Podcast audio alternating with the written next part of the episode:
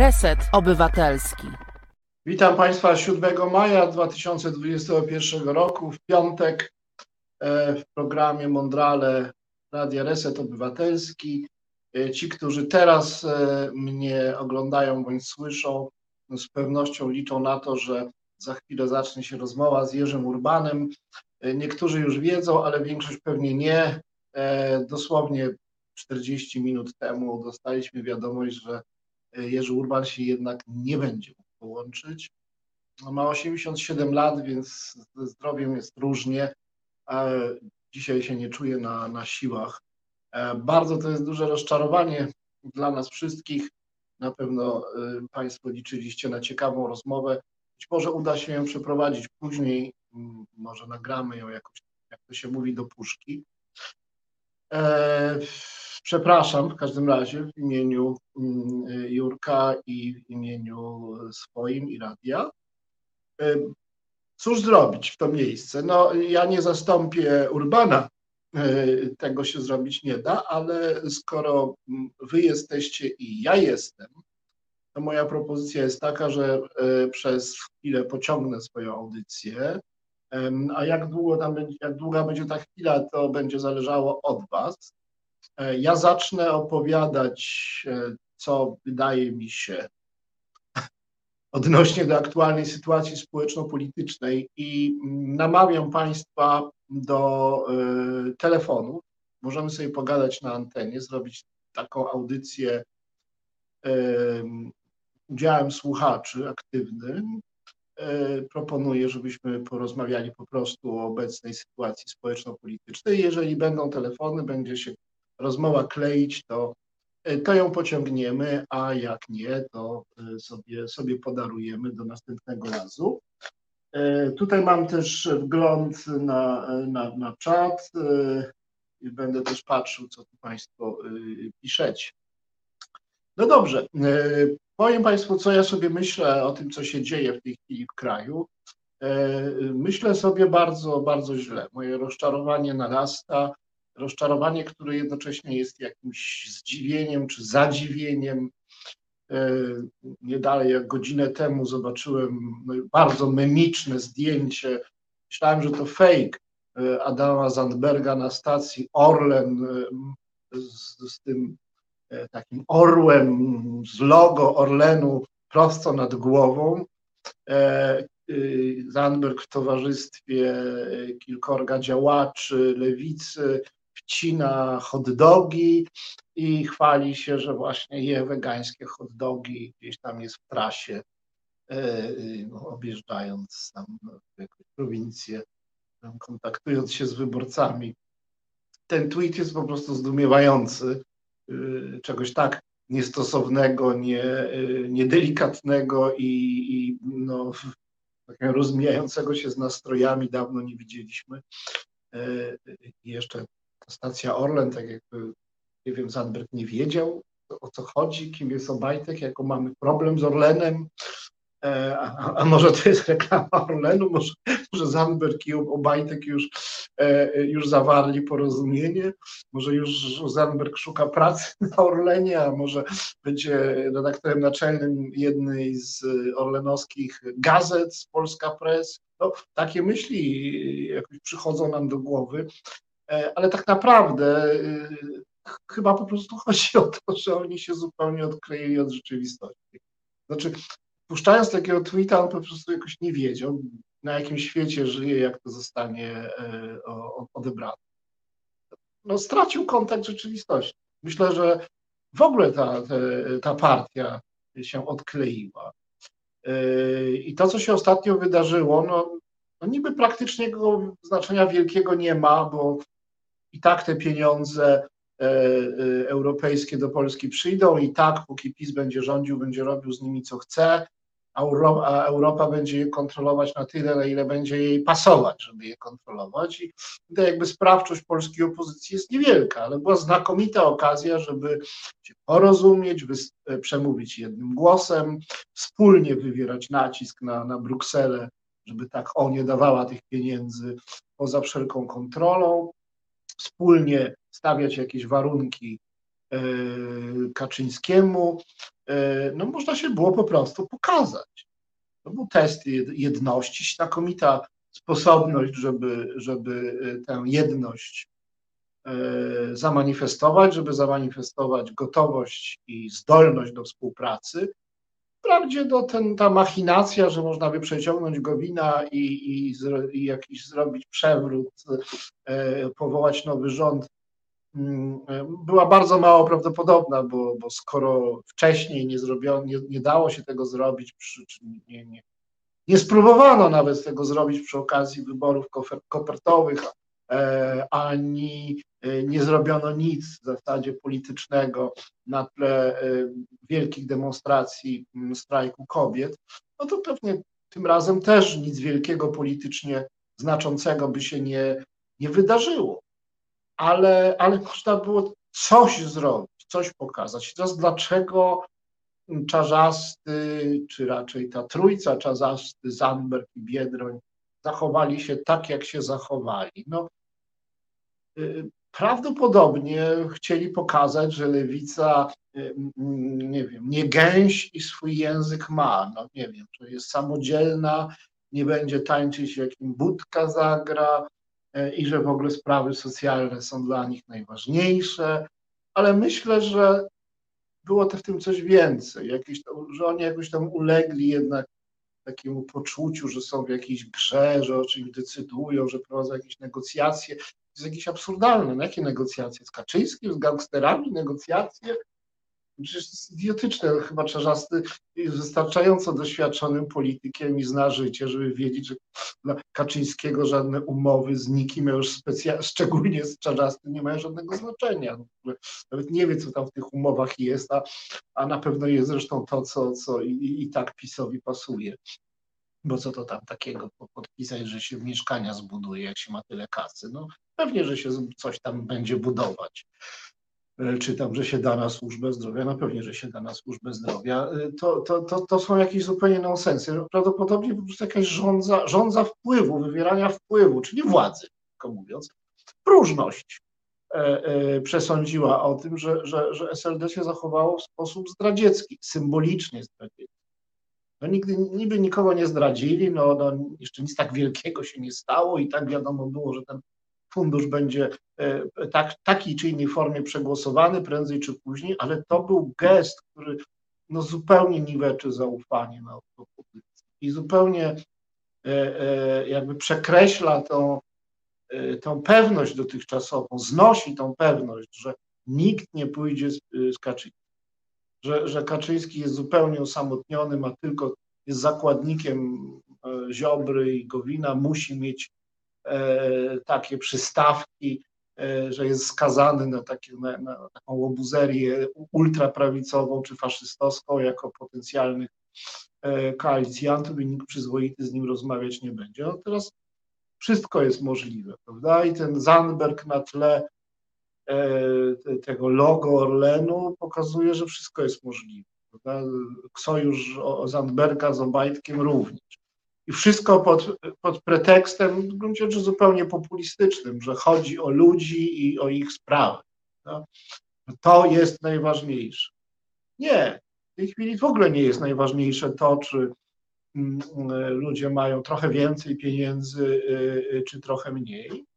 To jest bardzo ważne, ale najważniejsze jest to, czy mamy państwo demokratyczne i praworządne, czy nie. A to, że e, ogromna większość ludzi się tym nie interesuje, to trudno. Od tego jest się w polityce, żeby działać na rzecz wartości, a nie e, kierować się po prostu tym, czym się największa liczba ludzi kieruje, czyli mm, partykularnymi, czy nawet masowymi interesami o charakterze socjalnym czy, czy materialnym. E, zresztą wiarygodność dla wyborców lewicy, wiarygodność lewicy e, jako przystawki PiSu jest żadna. No to każdy woli na oryginał głosować niż na, na, na podróbkę PiS znacznie bardziej jest, jest rękojmią utrzymania transferów socjalnych niż, niż, niż lewica i wyborca PiSu nie będzie chciał oddawać głosu na, na lewicę, jeśli zależy mu na pieniądzach, to po prostu odda ten głos na sam PiS. Widzę, że dzwoni pani Bożena z Warszawy. Bardzo prosimy, słuchamy. Dzień dobry, panie profesorze. Dzień dobry. Na początek to chciałabym się trochę nie zgodzić y, z Pana tezą, że y, nie rozmawia się z Kaczyńskim, y, że nie rozmawia się z wrogiem. Ja bym takiej tezy bardzo ogólnej jednak nie stawiała, gdyż na przykład czymże był okrągły stół, no z kimś tam się rozmawiało, a rozmawiało się z dużo większymi wrogami Polski niż w tej chwili jest partia rządząca. Więc moim zdaniem rozmawiać trzeba i y, do rozmów i należy y, nawet y, zabiegać o takie rozmowy. Rzecz jest tylko w tym kompromitująca, że no, te rozmowy po prostu okazały się fiaskiem i w tych rozmowach nie ugrano nic, tylko się skompromitowano. Gdyby Zandberg i ta święta trójca ugrali coś rzeczywiście, cokolwiek, nawet już nie w kwestii funduszy europejskich i ich podziału, ale w kwestii jakiejś innej, chociażby właśnie praw człowieka czy e, innych e, spraw, o które lewica zabiegała, wtedy można byłoby mówić, że jest sukces, bo rzucili, rzucili wyzwanie Kaczyńskiemu, poszli do stołu, rozmawiali i ugrali coś i wtedy to i wtedy rzeczywiście to sukces był. Dlatego mm, tak w tym, w tym swoim krótkim a, telefonie chciałabym tylko temu zaprzeczyć, że moim zdaniem nie należy mówić, że się nie rozmawia. Chociaż wiem, że oczywiście serce i dusza się buntuje, że z wrogiem rozmawiać nie, nie należy, ale sytuacja jest taka, że uważam, że należy, tylko że należy się do takiej rozmowy przygotować i grać tak, żeby wygrać e, żeby iść do tego stołu z przekonaniem, że coś wygrać można. E, no tutaj się tak nie stało, dlatego to była kompletna, kompletna porażka. Ja jestem, ja też głosowałam na lewicę, a konkretnie na, e, na Zandberga i czuję się e, straszliwie zawiedziona. Już nie mówiąc o tym memicznym zdjęciu, dzisiaj też myślałam, że to jakiś żart jest, bo to było po prostu jak, no nie ukrywam, jak splunięcie w twarz wszystkim ludziom, którzy na lewicę głosowali. Ja nie wierzę, że to był przypadek to było za grube, żeby to mógł być przypadek, więc to było takie pokazanie po prostu środkowego palca wszystkim wyborcom. Mnie jeszcze tylko zastanawia e, jedno, a mianowicie bo z tego, co, e, co, się, co się mówi w kuluarach, to do takiego do, takiej, do, takiej, do takiego stwierdzenia, żeby iść rozmawiać z Kaczyńskim doszło po spotkaniu z Kwaśniewskim zastanawiam się, słyszałam wypowiedź Kwaśniewskiego, on bardzo chwalił później to, to spotkanie i że twierdził, że lewica coś ugrała i że rozmawiać należało. No po Kwaśniewskim, jeżeli rzeczywiście tak było, a mogło tak być, tego absolutnie nie wykluczam, bo on rzeczywiście może sporo podpowiedzieć, jest politykiem niewątpliwie bardzo doświadczonym e, i bardzo zręcznym. Y, no więc tym bardziej się dziwię, że nie, nie dał im jakiegoś lepszego scenariusza na wygraną. Y, dlaczego oni się tak podłożyli? Myślę, że to się, tutaj moja teoria spiskowa, uwielbiam teorię spiskową, myślę, że to się okaże, że to gdzieś, że to gdzieś wyjdzie w postaci jakichś benefitów, które e, lewica po tym uzyska. Zobaczymy.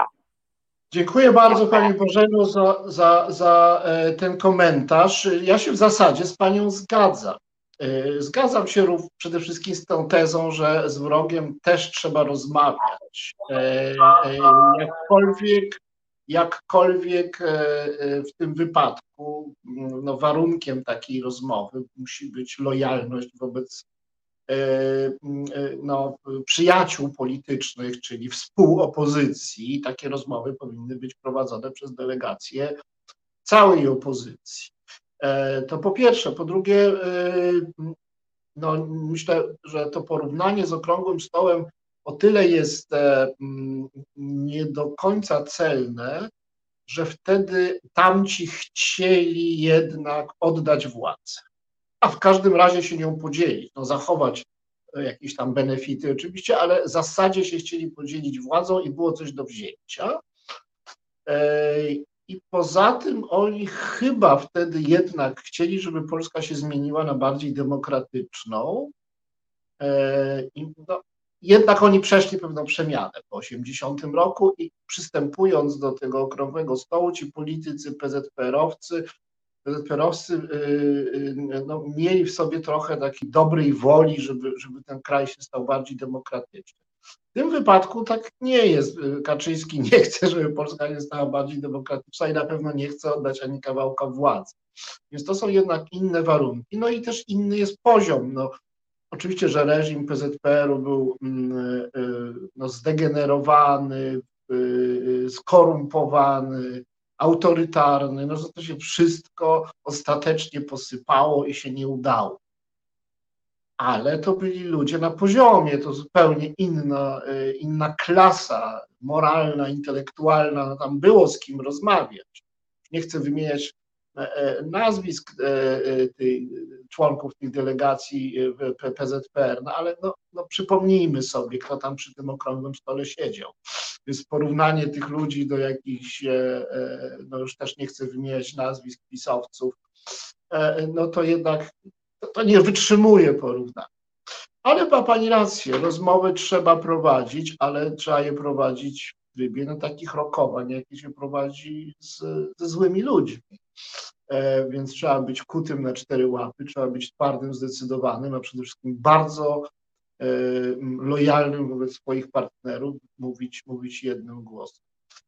Więc e, tak na to patrzę. Natomiast jeśli chodzi o Pani teorię spiskową, no może ma Pani rację, może coś tam jest obiecane pod stołem, gdzieś tam jakieś, nie wiem, stanowiska na prowincji, nie wiem, umorzenie jakichś śledztw, cokolwiek, ale wątpię, bo mm, wydaje mi się, że wciąż bardziej prawdopodobna jest taka dezynwoltura. Już nieraz się wykazywali politycy lewicy naiwnością, dezynwolturą, e, taką nadpobudliwością e, i taką właśnie skłonnością do jakichś takich e, dziwnych, dziwnych zagrań nielojalnych wobec, wobec demokratycznej opozycji.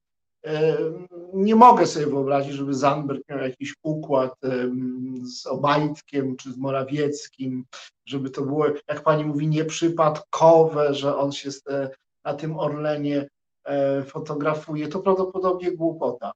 E, ja sam korzystam z Twittera i wiem, że e, to czasem zbyt spontanicznie się takie tweety zamieszcza, więc jest takie powiedzenie piłeś, nie pisz, E, można to rozszerzyć na jesz hot doga, nie pisz.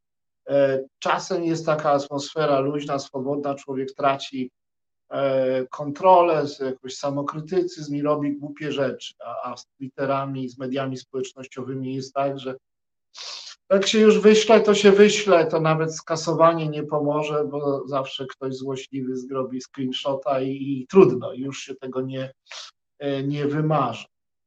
Także, ale może jest i tak, jak pani mówi. No w każdym razie bardzo się sytuacja pogorszyła i wygląda na to, że czeka nas polityczny marazm, e, czeka nas e, wiele miesięcy, a może nawet dwa lata e, takiego szarpania się między, między Kaczyńskim, Ziobrą, Gowinem i kim tam jeszcze, i że ta władza mająca bądź nie mająca większości w Sejmie, albo balansująca na granicy tej większości, będzie się tak jakoś rozpadać i toczyć prawda, do następnych wyborów, które są w tej chwili nieprzewidywalne, a mogło być zupełnie inaczej, bo mógł się sprawdzić scenariusz no jednak przewrotu.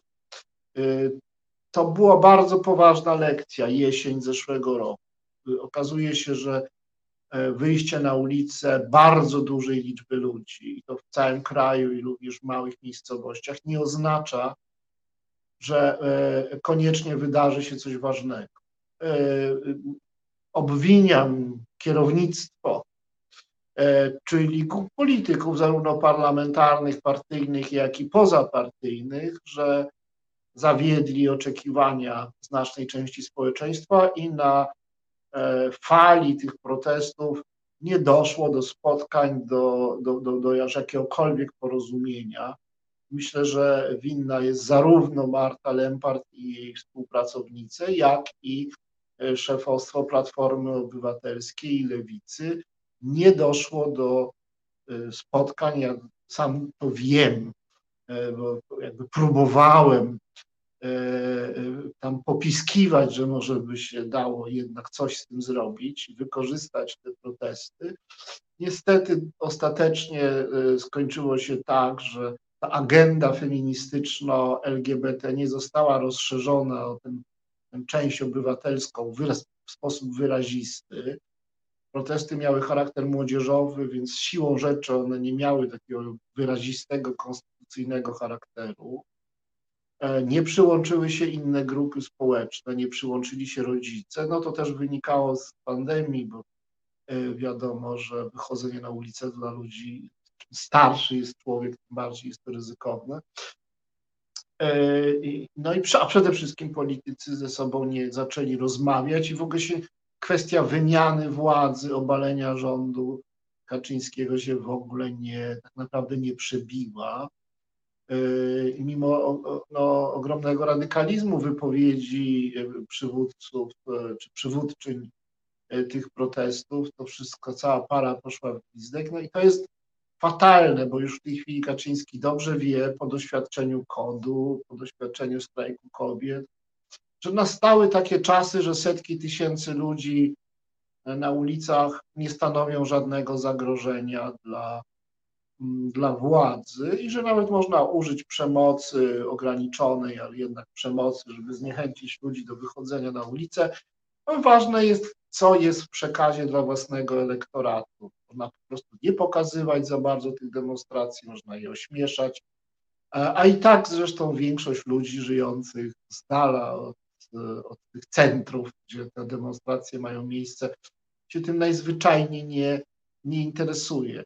Zawsze jak jestem na jakiejś demonstracji, zwykle są małe w Polsce te demonstracje, bo Polacy są bardzo mało upolitycznionym i bardzo mało walecznym narodem w porównaniu z, no, z wieloma innymi, także na Zachodzie.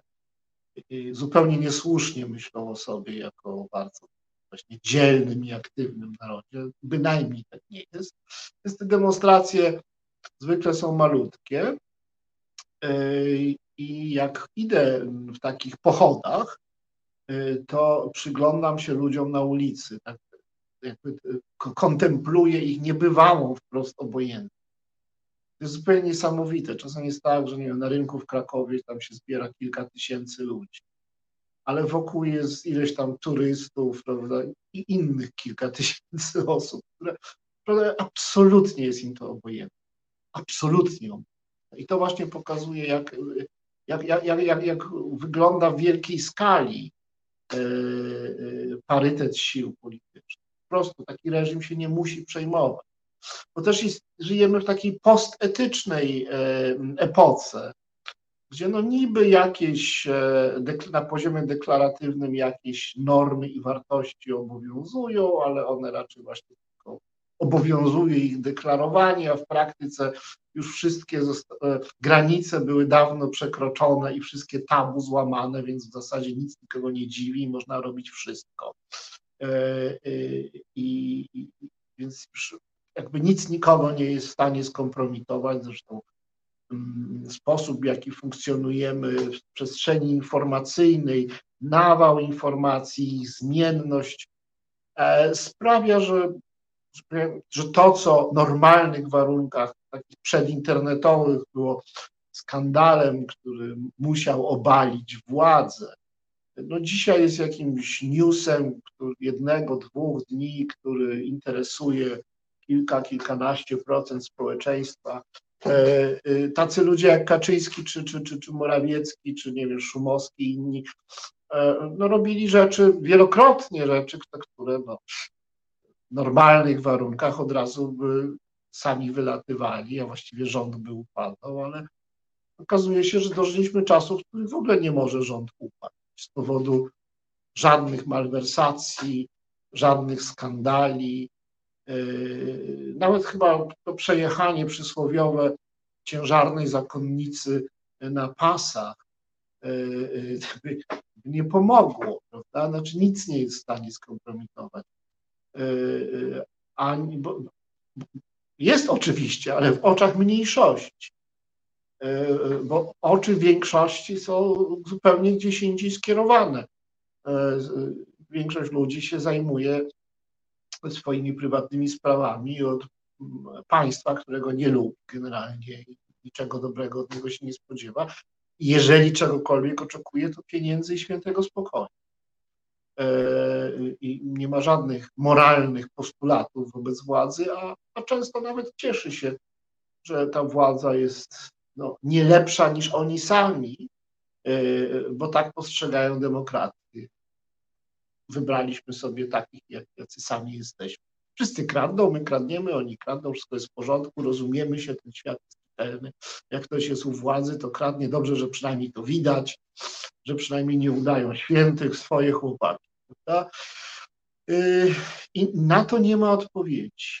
Takiego, w takich warunkach moralnych w zasadzie nic się normalnymi metodami nie da, nie da zrobić. Y, I nie da się w Polsce też wygrać wyborów w sposób etyczny. Ja sobie nie wyobrażam, aby politycy, którzy mówią ludziom trudne rzeczy, no, że musimy odzyskać demokratyczne państwo prawa, że musimy odzyskać te instytucje, że musimy odejść od e, e, takiego e, przekup, przekupnego rozdawnictwa i stworzyć mądre mechanizmy redystrybucji, że musimy powstrzymać inwazję faszyzmu. Wyobrażam sobie, żeby ludzie mówiący takie rzeczy mogli uzyskać większość. Więc opozycja skazana jest na to, żeby tańczyć nawet nie tak, jak im PiS zagra, e, ale jak społeczeństwo zagra. No, niestety no, w demokracji większość ma przewagę, a tak, taki mamy kraj, że, że większość nie, nie, nie stanowi społeczeństwa politycznego czy obywatelskiego. Większość jest taką samą większością jak w dawnych czasach, czyli jest taką większością stanową. No. E, zajmuje się swoimi interesami. E, a PiS te interesy zarówno na poziomie materialnym, jak i na poziomie no, takim emocjonalno-symbolicznym, zwanym czasem godnościowym, e, zaspokaja.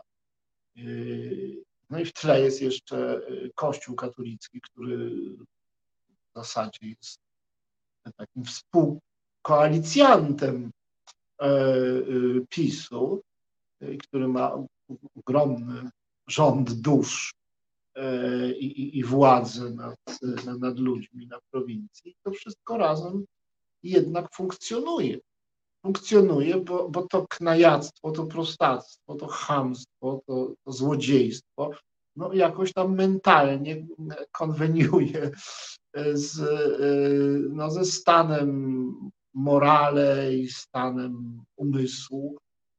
No jeśli nie większości, to ogromnej liczby e, e, mieszkańców e, Polski. To jest bardzo smutne. Tak po prostu jest. Jeżeli wreszcie nie złamiemy tabu, zakazu y, mówienia o złej części społeczeństwa, która robi złe rzeczy, y, y, to, to, to nie, nie, uzyskamy prawdy w polityce.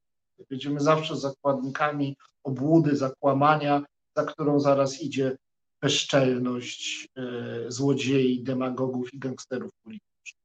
Gdybyśmy mieli więcej odwagi, wcześniej, byli w Polsce mężowie stanu, którzy są w stanie, są zdolni mówić ludziom prawdę, także i to, że są złym mówić, że są źli, e, y, to być może nie doszłoby do takiej sytuacji. Ale teraz doczekaliśmy się tego, że państwo stało się łupem grupy gangsterów politycznych, powiedzmy, za którymi stoją zwykli gangsterzy, zwykli przestępcy. Te środowiska się już pomieszały jeżeli przywódca państwa siedzący w jakiejś budzie tam e, e, e, da się, daje się nagrać, jak żąda łapówki do jakiegoś księdza i to nie, nie wywołuje żadnych reperkusji, nikogo nie obchodzi i w żaden sposób mu nie zaszkodziło, to pokazuje, że po prostu względy moralne nie istnieją.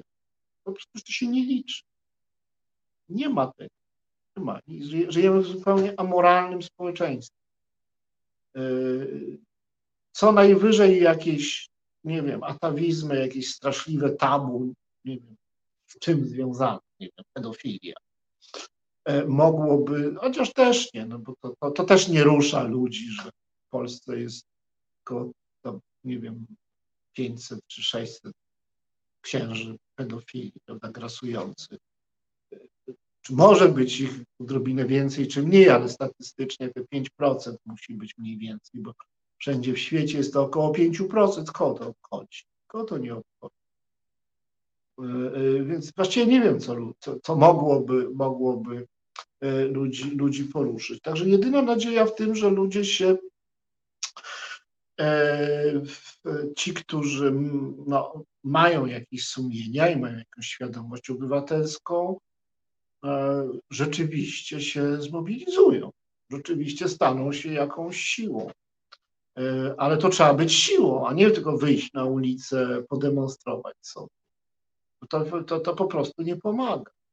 Y, trzeba się organizować, trzeba działać, a potem trzeba iść do wyborów i to, że tak powiem, w stu procentach, żeby wyszło trochę więcej niż, e, niż mają faszyści. E, dlatego ja jestem bardzo sceptyczny wobec tej, tej, tej koncepcji. Mm, każda, każdy odłam opozycji powinien zachować swoją specyfikę, iść sobie sam, powinny być takie bloki, nie wiem, dwa albo trzy, że, że wtedy tych głosów garnie się więcej.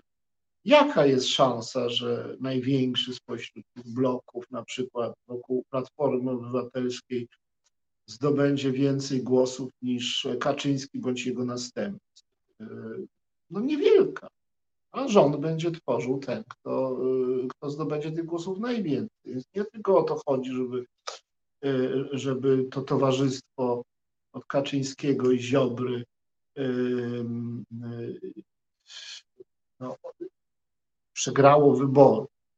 Znaczy, żeby dostali mniej głosów niż inni, niż opozycja łącznie, ale chodzi o to, żeby przegrali realnie, żeby ktoś, jakaś lista opozycyjna po prostu zgarnęła tych głosów więcej i, i tworzyła ten, ten rząd. A to jest możliwe tylko przy E, połączeniu sił. Ja tego w ogóle nie mogę pojąć. Od kiedy ocieram się o politykę, zawsze się zajmuję tylko jednym.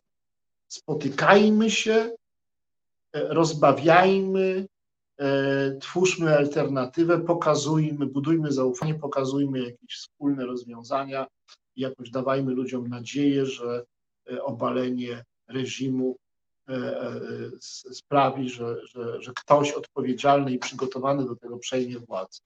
No i jak był kod, no to mieliśmy taką inicjatywę, e, e, to, to się nazywało, mm, e, jak to się nazywało?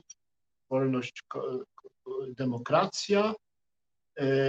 Takie, takie spotkania z założenia, założenia przeznaczone dla liderów partyjnych prowadził to Mateusz Kijowski, ktoś KWRD nazywał, tak? I, I przychodzili, to przysyłały te partie zwykle jakichś takich drugo-, trzeciorzędnych działaczy. Ani razu się tam nie pokazał Schetyna, ani razu się nie pokazał Kośniak-Kamysz. Nie, nie przyszedł żaden z liderów, było tych spotkań pięć czy sześć. Idea była taka, słuchajcie, y, y, niech, to, niech powstanie jakiś komitet koordynacyjny, jakiś sekretariat, E, e, niech te partie wydają jakieś wspólne komunikaty, niech mają jakieś wspólne propozycje, niech ludzie widzą, że, że opozycja jest dojrzała, odpowiedzialna, że rozmawia ze sobą, że jest zdolna do współdziałania, a w przyszłości może do współrządzenia. Nie, nikogo to nie Każdy chciał, nie tylko chodziło o to, że każdy chciał zachować niezależność, wyrazistość a, y, i nie zagubić się w jakiś, nie roztopić się w jakimś abstrakcyjnym projekcie, tylko wszyscy mówili, a do wyborów daleko, szkoda gadać, a w ogóle to, co nam, nam tu będzie kioski nami dyrygować, prawda? Y, y, kim wy jesteście? W ten sposób myślałem. I to było dla mnie zupełnie zdumiewające, że, że może to tak wyglądać, że jest tak tyle takiego partyjnego egoizmu i lekceważenia, takich zupełnie oczywistych przecież zasad uprawiania polityki, jak mm, porozumiewanie się w kwestiach wagi państwowej, w kwestiach naj, na, najwyższej wagi, jak wiarygodność opozycji jako całości wobec społeczeństwa, e, e, to, to było dla mnie nie do pojęcia, jak strasznie nieodpowiedzialni są to ci politycy. Teraz to proszę, to wszyscy liderzy mówią, że trzeba się spotykać, rozmawiać. Dokładnie to, co myśmy wtedy mówili, to oni mówią dzisiaj, tylko to minęło pięć lat e, od tego czasu. I oczywiście te wybory zostały schrzanione. Gdyby od początku ta koordynacja była, to, to te wybory Y, jedne, jak i drugie, prezydenckie i parlamentarne w 2015 2020 roku byłyby wygrane. No ale no proszę bardzo, było jak było. Na, na, na, własne, na własne życzenie przegraliśmy wybory w 19 20 roku. To się niejako należało. Ja już nie bardzo wierzę tym ludziom, już nie bardzo wierzę, że Trzaskowski zostanie liderem e, centrum, nie wiem, Hołownia się okaże odpowiedzialny na tyle, że zgodzi się na wspólne listy z, z PO i będą liderzy Trzaskowski, Hołownia i tam kto jeszcze występować razem jako twarze wspólnego frontu opozycji przeciwko faszyzmowi. To się aż prosi, żeby tak było, ale jak ich znam, tych ludzi, to poziom narcyzmu e, e, i takiego partyjniackiego przekombinowania, narcyzm, cynizm, trochę lenistwa, przede wszystkim taki pseudoprofesjonalizm. A, coś tam, coś tam. E, oni myślą na ogół w kategoriach, tam siedziałem trochę w tym Sejmie, tam za czasów Palikota, polityków poznałem. No i naprawdę myślą najczęściej w kategoriach jakichś tam e, e, układów, układzików przy tym, przy tamtym głosowaniu, a to, a tamto, takie, takie, takie, tak, takie szczególarstwo i taka, taka mikrotaktyka, bieżączka. E, rzeczywiste problemy polityczne przesłaniają im relacje osobiste. Oni mają mnóstwo stosunków osobistych i, i patrzą na, na politykę przez pryzmat tego, tego wszystkiego, jak to, to tam, przez tych ro, rozmów, jakie prowadzą, no nie, nie, wiem, w kuluarach Sejmu albo przy restauracji sejmowej, to jest naprawdę bardzo słabe. E, I, I, bardzo rzadko się zdarza, że, że, że jakiś polityk myśli naprawdę e, e, z wizją, bez tego cynizmu, bez tego samozadowolenia wynikającego z E, świetnej orientacji w aktualnych jakichś tam towarzysko-politycznych układach czy układzikach. E, e, strasznie trudno się przez to przebić, jak jesteś zawodowym politykiem, to się pławisz co ten, a co tamten, a o co temu chodzi, o co tamtemu. Dla, dla nich Kaczyński i jego ludzie to są po prostu no, koledzy, no co tu dużo mówić, może Kaczyński jest świr i to on się z nikim nie koleguje, ale cała reszta koleżkowie. Jak chodziłem do tej telewizji, był taki okres, dwa lata, ciągle chodziłem do telewizji, tam są takie pokoiki, poczekalnie. Tam sobie wszyscy z, z dzióbków y, y, jedli. To po prostu nie, niebywałe. Tu na antenie się naparzają, e, a tam w tym jakimś Wiprumie, czy jak to się nazywa, są zaprzyjaźnieni niesłychani.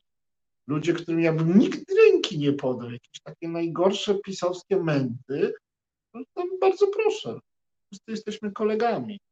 E, nie ma wroga w Sejmie, że tak powiem. Wszyscy jesteśmy kolegami z pracy i dbamy o miłą atmosferę. To nawet nie jest cynizm, to jest taki infantylizm. sprofesjonalizowany infantylizm.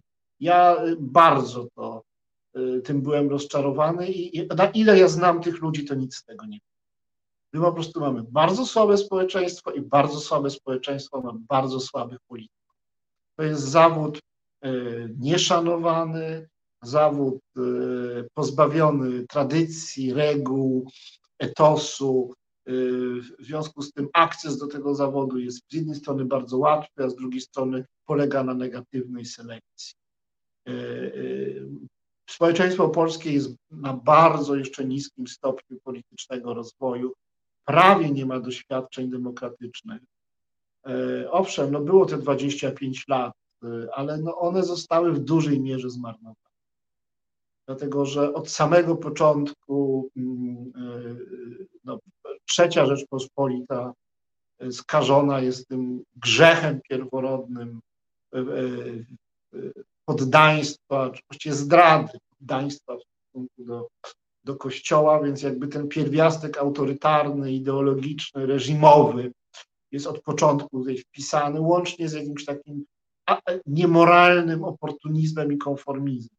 Ta władza, to, to państwo jest od samego założenia, od 89 roku, niemoralne, bo nastawione jest na to, że kwestia niepodległości jest kwestią tabu, że nie wolno mówić o niepodległości w stosunku do Kościoła, jest państwem, obcym państwem, że ta, e, ta usłużność, uniżoność względem Kościoła jest obowiązkiem e, każdego rządu, że jest jakby wpisane w naturę tego państwa, państwa polskiego, więc ta, ta, ten gen zdrady e, został wmontowany, wprowadzony w ten demokratyczny genotyp, ustrój, realny ustrój, ale także wpisany ustrój e, tego państwa. Jesteśmy chyba jedynym, ja nie wiem, czy jest jakieś państwo pretendujące do demokracji, które ma w konstytucji zapisaną wprost niesuwerenność.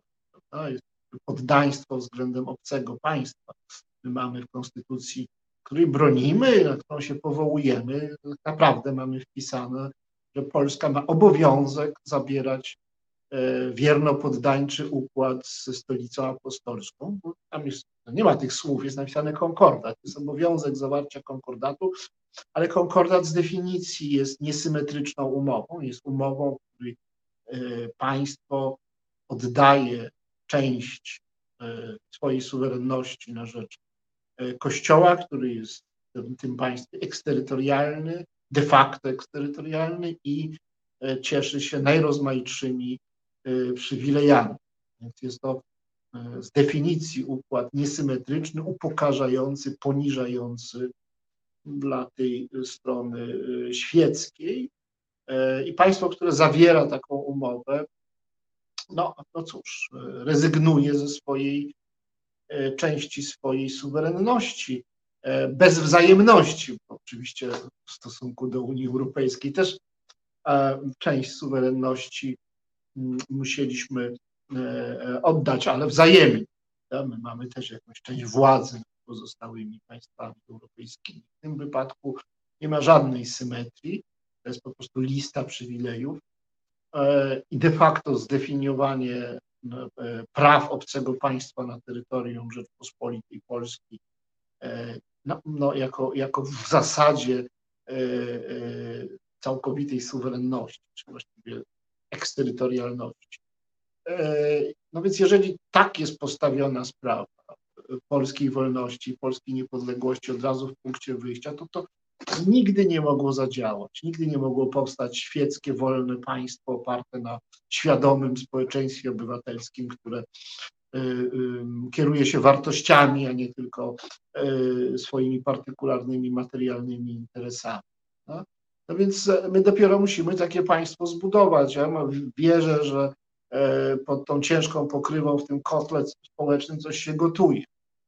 E, wierzę na przykład, że młode, młodsza część społeczeństwa jest kompletnie mentalnie odcięta od, od kościoła i, i biskupi nie mają na tych ludzi wpływu. W każdym razie na ogromną większość tych ludzi nie mają wpływu, więc jest pewna szansa, ale też ci ludzie nie mają kontaktu z ideałami obywatelskimi, ponieważ one są e, e, no, e, sponiewierane przez no, codzienność, przez to, co widać w przestrzeni publicznej, gdzie panuje bezwzględny cynizm, egoizm, pycha i ksenofobia. No i są też poniewierane w systemie edukacji, gdzie są taką, gdzie są takim cynicznym, obłudnym pustosłowiem, więc nie można liczyć na to, że młodzież, która przechodzi przez mm, takie szkoły, takie wychowanie, stanie się społeczeństwem obywatelskim. Natomiast można liczyć na to, że będzie społeczeństwem wolnych, świeckich ludzi, którzy nie, nie będą godzić się na to, aby jakiś autorytarny czy faszystowski reżim e, naruszał ich prawa osobiste. A co do praw politycznych, no to, no to nie byłbym już takim optymistą. E, wątpię, żeby w pierwszej dziesiątce priorytetów młodych ludzi, jeśli chodzi o no, warunki życia, e, było to, aby mogli cieszyć się prawami politycznymi, czyli wstępować do partii politycznych, uczestniczyć w życiu politycznym, e, brać udział w wyborach czy sprawować funkcje publiczne. To do pierwszej dziesiątki na pewno nie należy priorytetów. E, no i to oczywiście stwarza bardzo dużo miejsca dla, e, dla populistów, bo, bo, bo państwo jest łupem. No, właściwie każdy sobie może je wziąć, jeżeli ma dość pieniędzy, żeby wykupić odpowiednie technologie marketingu politycznego. Jakby ktoś chciał przejąć Polskę, wrzucić parę miliardów dolarów w kampanię, e, zamówić odpowiednie badania, e, wynająć odpowiednich specjalistów do, od marketingu politycznego, znaleźć jakieś dostatecznie bezczelne gęby, które będą to filmować, bardzo proszę. No, no, ale na szczęście e, tej marki nikt nie chce przejąć, nikt nie chce nas e, kupić, no bo jakby na, na, na, na tym się interesu nie zrobi. No ale dożyliśmy takich czasów, że e, te mechanizmy demokratyczne, które dobrze działały dotąd mm, wszędzie na, na Zachodzie, w tej chwili są no, dosyć fasadowe i demokracja opiera się na, na, na tych zasobach moralnych, y, głębszych zasobach moralnych społeczeństw, które mają poczucie odpowiedzialności za dobro wspólne, jakąś solidarność, jakąś powagę, praworządność i tak dalej, a Polacy się tego nie dorobili. Znaczy w jakimś zakresie się dorobili, na pewno jest dobrych parę milionów w Polsce E, ludzi praworządnych, myślących obywatelsko i demokratycznie, ale to jest tylko dobrych parę milionów, a by trzeba było dobrych kilkanaście milionów, żeby utrzymać w Polsce mm, demokrację. Więc tak ogólnie sądzę, że de demokracja już nie za bardzo ma szansę e, w jakiejś takiej przewidywalnej perspektywie, natomiast bardzo duże szanse mają nadal swobody osobiste. I to jest charakterystyczne, że te reżimy, y, y, nawet bardzo brutalne współczesne reżimy, y, nie nastają na te swobody osobiste. A dobra, to chcesz sobie słuchać w internecie, słuchać, oglądać czego co ci się podoba, proszę bardzo, to, to nam nie przeszkadza, to nie zagraża naszej władzy. Chcesz, nie wiem, wyjeżdżać za granicę, wyjeżdżaj, wrócisz, nie wrócisz, E, e, nie potrzebujemy kontrolować cię fizycznie, wystarczy nam kontrola, kontrola elektroniczna. E, więc taka, taka subiektywna swoboda życia, że żyję gdzie chcę, z kim chcę, wyjeżdżam, wracam, zatrudniam się to tu, to tam, zakładam jakąś firmę.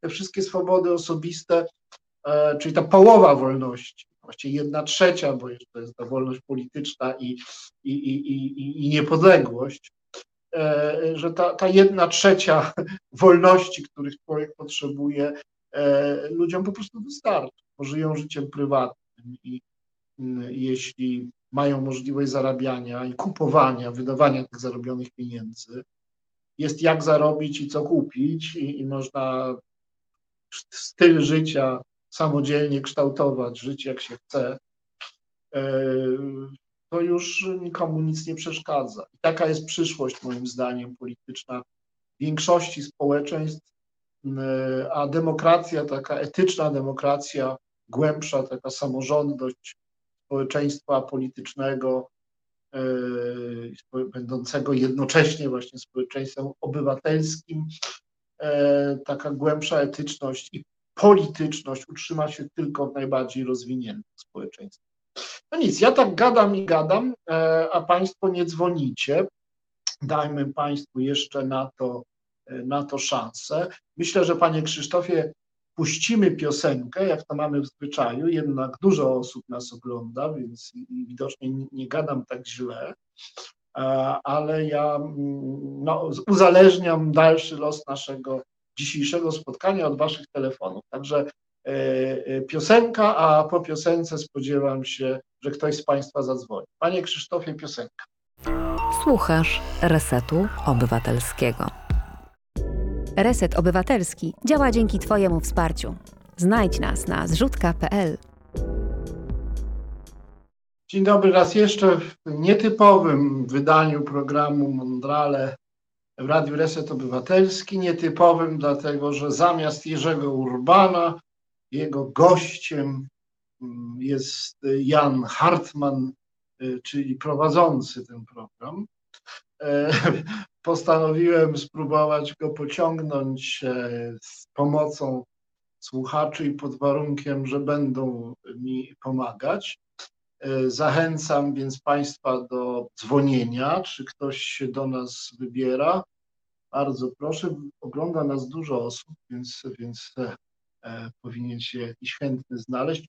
Próbuję diagnozować sytuację społeczno-polityczną w Polsce E, wypada to bardzo negatywnie. Moja generalna teza jest taka, że y, najwyższy czas zdobyć się na to, aby ostrze krytyki skierować e, w stronę samego społeczeństwa. To, że ma takie elity, jakie ma, polityczne, taką klasę polityczną, jaką ma, że ma tak słabych polityków, no nie chcę tak zupełnie generalizować, parę osób bardzo cenię, ale generalnie ta klasa polityczna jest bardzo słaba to jest pochodna miernoty, mierności e, um, kulturowej, intelektualnej, moralnej e, polskiego społeczeństwa. No po prostu to jest po prostu słabe społeczeństwo, słaby kraj, marginalny kraj z słabym społeczeństwem. E, no, jakoś tak nie udało się nam być na tym zachodzie. To życie w rozkroku między Zachodem i Wschodem E, która jest taką, takim dopustem historycznym, takim losem e, Polski, mm, e, być może no, uniemożliwia taki pełny rozwój moralny i polityczny, że zbyt jesteśmy kulturowo, jakby zbyt, nazbyt ciążymy ku, ku temu azjatyckiemu bezkresowi, prawda, gdzie w ogóle poza zacofaniem i e, tyranią nie ma żadnych doświadczeń politycznych. Ale wszystko, co dobre, ma charakter elitarny. E, a to, to ten nasz udział w kulturze Zachodu zawsze był połowiczny, mm, tak na jedną nóżkę. Te aspiracje zawsze były aspiracjami tylko wyższych e, warstw, elit, nigdy nie zeszły jakoś do, mm, do tej warstwy podstawowej, ludowej czy chłopskiej. E, nie połączyliśmy się z tym Zachodem i, i to połączenie tylko tym klipsem na, na górze, czyli przyjęcie do struktur Zachodu politycznych, NATO, Unii Europejskiej, no, nie uruchomiło jakiegoś procesu sklejania się mentalnego Polski z Zachodem. Natomiast nastąpiło sklejenie i to no właściwie wymieszanie na poziomie stylu życia w ramach ogólniejszego procesu globalizacji. Jesteśmy na bardzo powierzchownym poziomie podobni do, do Zachodu, bo konsumujemy w podobny sposób, zachowujemy się w miejscach publicznych w podobny sposób, mamy podobne aspiracje, podobny styl życia po prostu. Natomiast jeśli chodzi o stopień jakby internalizacji e, wartości politycznych, stopień jakiegoś realnego oddziaływania etosu takiego konstytucyjnego, obywatelskiego, a także jeśli chodzi o stopień czy poziom moralny członków społeczeństwa, no to bardzo daleko nam jest do, y, do krajów, no przynajmniej północnoeuropejskich, bo to też to jest troszkę też taki mit, że cały Zachód tak daleko wyprzedza mm, resztę, resztę świata. No na południu Europy to niekoniecznie tak jest. I, i być może ta niezdolność do praktykowania tego konstytucyjnego ustroju liberalno-demokratycznego nie jest problemem tylko wschodniej Europy, ale także południowej Europy. No, no tak czy inaczej do tej elity e, nie należymy i nie wygląda na to, żebyśmy mm, e, mieli się z nią połączyć, chociaż mieliśmy takie aspiracje. No, elita to jest elita, no, z zasady, z definicji. E, niewiele bytów się mieści w elicie danej kategorii. No, nie należymy do elity społeczeństw czy państw. No tyle, że mieliśmy jakieś aspiracje takie, no, no, ale one były, jak, myślę, że to, to było do zrobienia, no już ten czas minął, była na to szansa. Ale y, gdyby na początku lat 90. Polską rządzili demokraci, a nie, no nie jak to powiedzieć, endecy, e, bądź też e, tacy powiedzmy sobie oportuniści, E, dla których demokracja, praworządność, świeckość, suwerenność, transparencja, profesjonalizm, te wszystkie wartości polityczne, na których opiera się współczesna zachodnia demokracja, to było wszystko jakby w tle gdzieś tam na, na, na drugim, trzecim, czwartym miejscu, a na pierwszym miejscu e, e, było zawsze utrzymanie mm, stosownej, e, no, uniżonej postawy względem Kościoła katolickiego. Tutaj piszecie Państwo różne rzeczy. Ja, może ja zobaczę, co Państwo piszecie. Jesteśmy ubogim społeczeństwem tolerującym byle jakość. Słabe społeczeństwo, w dodatku wyjątkowo zdemoralizowane przez Kościół katolicki. Polacy to wspaniali konsumenci, ale słabi wyborcy. Hmm, a jakie pytania zadałby sobie pan sam? O, pyta się pani Barbara. No to niech pani, ja nie wiem, e, e, e, nie zastanawiam się na to. Niech pani Barbara zadzwoni i zada pytania, które chciałaby mi zadać. E, co tu pytać? Wykład jest super, pytań nie mam, dziękuję bardzo. Rewolucja francuska też zaczęła się od tego, że brakło chleba, więc póki jest chleb, jest kiełbasa i ciepła woda, to nie będzie rewolucji. No, niezupełnie. Rewolucja się zaczyna wtedy, kiedy aspiracje materialne ludzi się nieco powiększają, stają się oni bardziej pewni siebie, właśnie wychodzą z dołka E, i, i, mają trochę więcej nadziei, trochę więcej energii do działania i wtedy jak się znajdzie jakiś przywódca, to ich e, porywa. E, natomiast jak ludziom jest naprawdę dobrze i, i, i są zaspokojeni w sferze socjalnej i czują się bezpiecznie, to oczywiście żadnych rewolucji nie robią. A co na ten kryzys filozofia? Może Bruno Latour, a może niemieccy autorzy. Myślę, że zielona, zielona polityka w dłuższej perspektywie pomoże społeczeństwom stać się moralnymi. Kogo pan ceni z filozofów dziś? No jest pytanie. No dobrze, to pytanie zadaje pani Marta Fischer. E, kogo ja cenię e, dziś? E, nie wiem, proszę.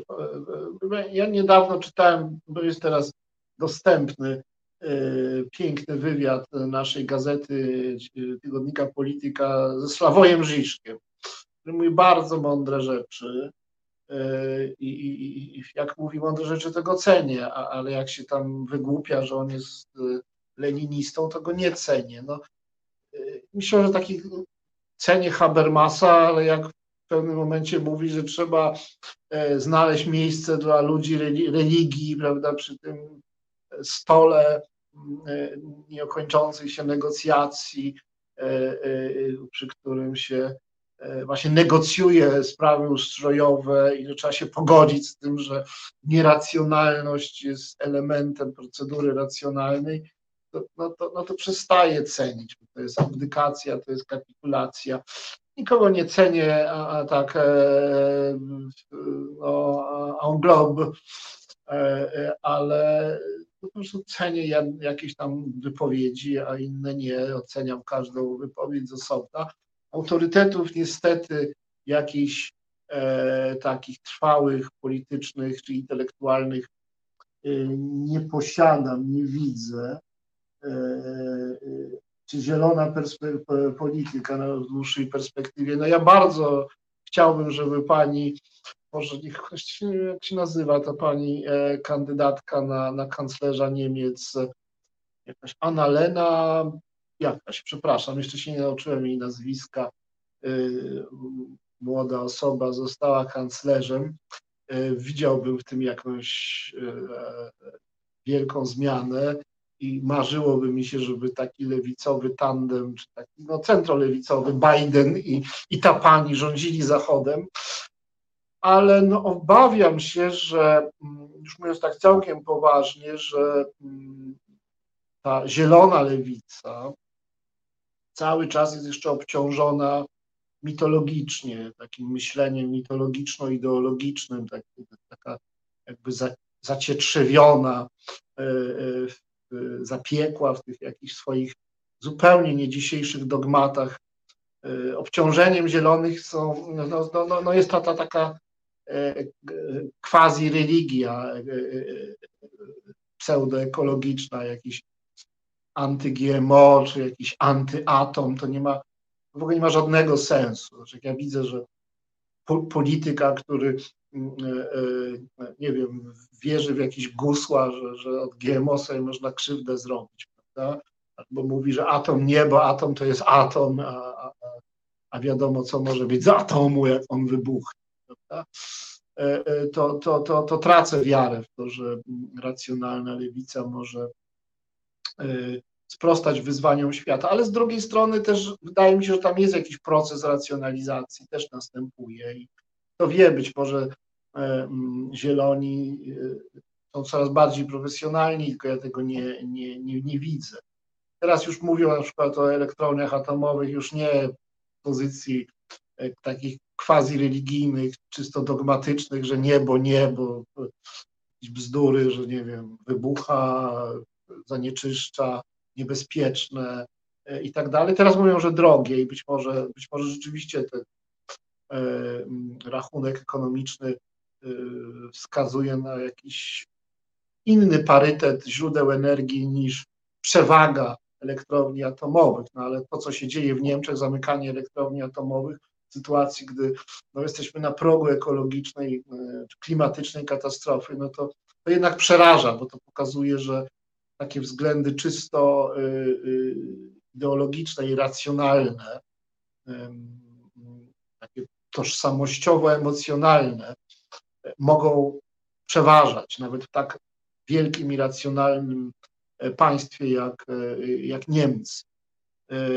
No ale być może te nieprawdopodobne, przerażające właściwie wyzwania, którym na pewno nie sprostamy, te wyzwania klimatyczne, sprawią, że, że e, politycy państw e, najsilniejszych, a więc ponoszących największą odpowiedzialność za przyszłość, e, będą bardziej profesjonalni, bardziej odpowiedzialni, bardziej zdolni do współpracy, bo jak nie oni, to kto?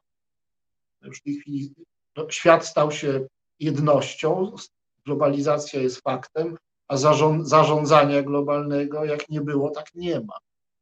Wyzwania są globalne, a żadnych e, instytucjonalnych mechanizmów e, e, podejmowania wiążących i skutecznych decyzji naprawczych czy zaradczych w skali globalnej nie ma.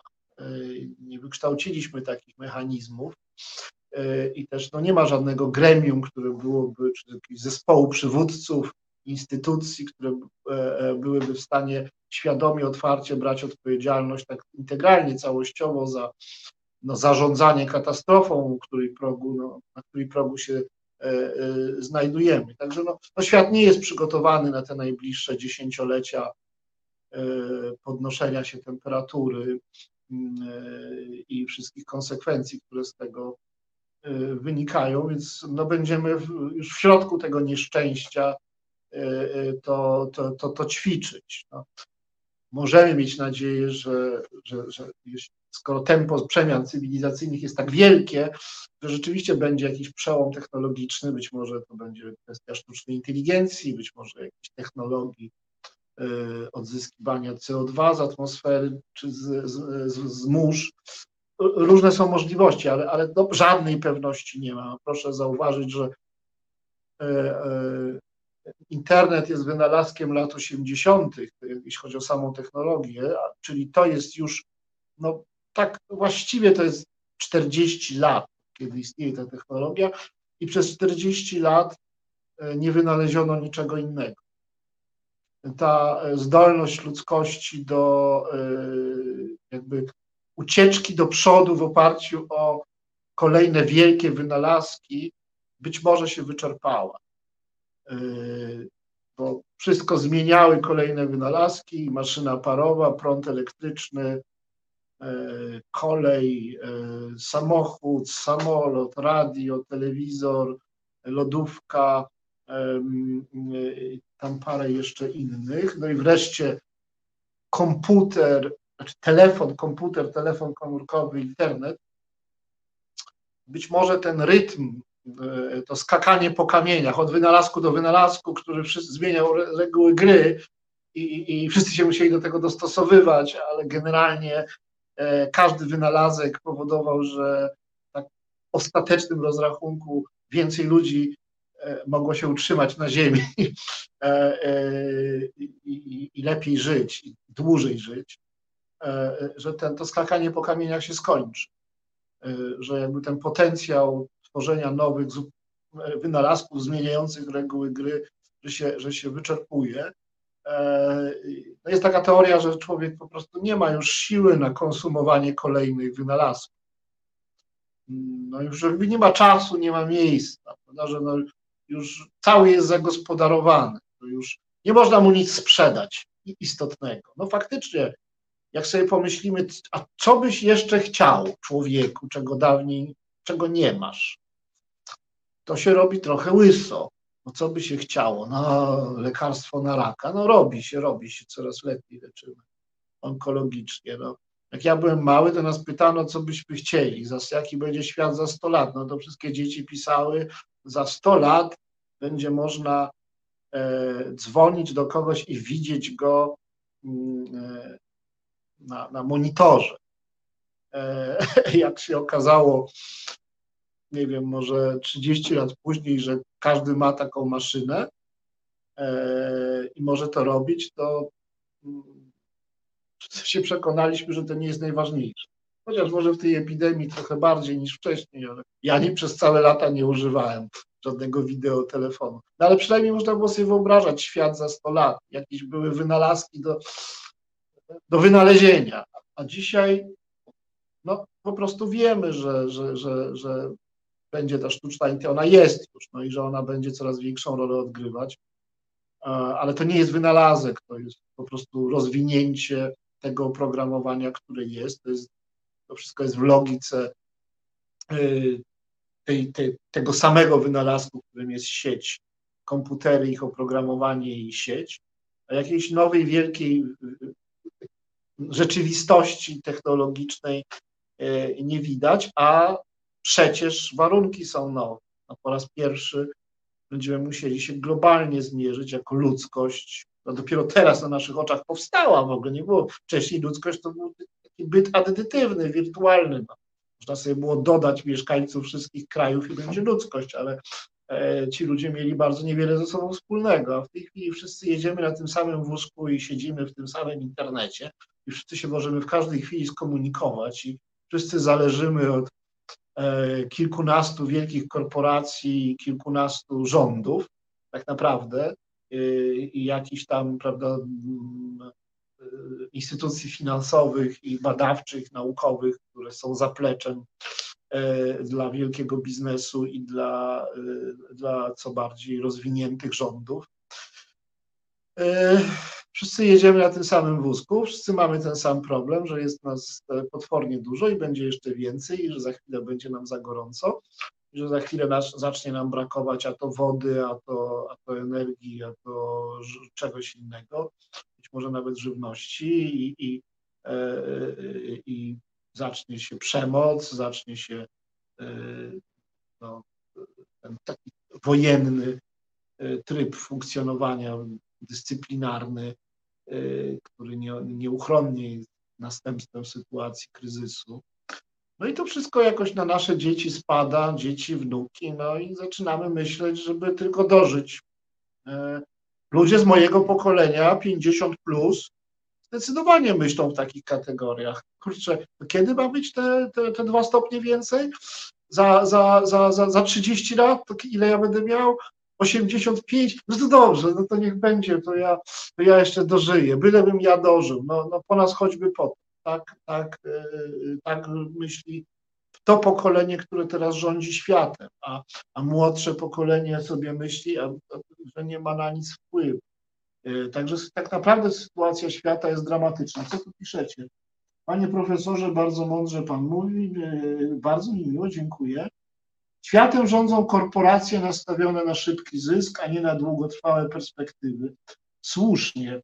E, to jest dramat, że nie ma tej długiej perspektywy i nikt nie chce brać odpowiedzialności długoterminowej. Demokracja temu nie sprzyja, bo rządy są kadencyjne, można liczyć na jedną, dwie kadencje, trzy najwyżej, e, a tu trzeba działać w perspektywie dekad.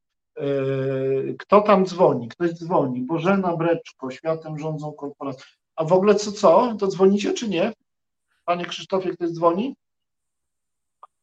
Halo? Tak? Halo? Tak, tak, słuchamy.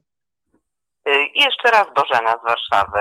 Y, No. Zadzwoniłam, zadzwoniłam ponownie, bo poruszył Pan temat, który, który mnie bardzo interesuje, a mianowicie e, ekologia i przyszłość naszego świata. Więc e, tak jak nawet napisałam w, w, tutaj w poście na, e, na czacie, e, w tej chwili tak naprawdę, bo wspomniał Pan o, o, o tym, żeby się rządzący tego świata, tym światem powinni zacząć dogadywać, ale tak naprawdę to przecież rządzą naszym światem y, korporacje. Jest tych korporacji kilka, głównie korporacje cyfrowe, czyli GAFA i oni rządzą i tak naprawdę wydaje mi się, że, że rządzący tym światem, czyli przedstawiciele największych potęg, jakoś tam są z nimi zblatowani, dogadani, bo a przede wszystkim należałoby zacząć od podatku cyfrowego, żeby na nich nałożyć, żeby nie mieli takiej wielkiej potęgi, żeby nie mogli rozgrywać, a, a rozgrywać swoich własnych interesów, które są przecież y, krótkodystansowe. Oni myślą w kategorii swojego życia, żeby się jak najwięcej dorobić, chociaż nie bardzo wiem, po co im te pieniądze potrzebne. Kiedyś policzono, że gdyby zrezygnowali na jeden, na jeden dzień z obce, na jeden dzień GAFA, gdyby zrezygnowała z odsetek swojego e, kapitału, który im codziennie przyrasta, to jest ileś tam miliardów dolarów, to można by zlikwidować problem głodu, problem wody w Afryce, problem e, pandemii, problem, problem szczepionek. Na jeden dzień, gdyby zrezygnowali z odsetek, nie z kapitału, to, Nie, to tak nie. pytanie, pytanie, w jaki sposób się z nimi zacząć dogadywać, bo y, w tej chwili nie ukrywam, że jakąś nadzieję y, y, mam w Bidenie, który zaczął myśleć, zaczął pokazywać trochę, trochę inne spojrzenie na świat. Już samo to, że zaapelował na przykład, żeby uwolnić technologię produkcji szczepionek, no to jest bardzo duża rzecz. Trochę pokazał, że a już nie mówiąc o tym, że się wypowiedział, że, że ideologia skapywania bogactwa nie działa i że to, to, to nie jest tak, że biedni tego świata się pożywią przy bogatych, bo to się po prostu nie sprawdziło. To, to, ta idea była, była ważna i obowiązywała ileś tam kilkadziesiąt lat, no ale najwyższa pora przyznać i to już przyznają, że ona po prostu nie działa, więc trzeba ją zmienić, ale jeszcze na tę, e, na tę zmianę chyba nie wszyscy są gotowi, więc trzeba zacząć mówić o tej zmianie i postawić na pierwszym miejscu człowieka jako najważniejszego, a nie wzrost PKB, bo po co to Dobrze. PKB ma rosnąć, jeżeli ludzie są coraz biedniejsi. Pani Bożeno, to Mam nie nadzieję, że może zaczną się jakoś dogadywać i widzieć człowieka na pierwszym miejscu, a dopiero później wzrost bogactwa. Pani mówi językiem XIX-wiecznej krytyki e, kapitalizmu. Ona jest wciąż aktualna od XIX wieku. Dobrze wiadomo, jakie są wady ka- kapitalizmu. Ślepo, ślepa żądza zysku, egoizm, e, generowanie nierówności społecznej, e, społecznych, wytwarzanie takich monopolii, które paraliżują wolną konkurencję.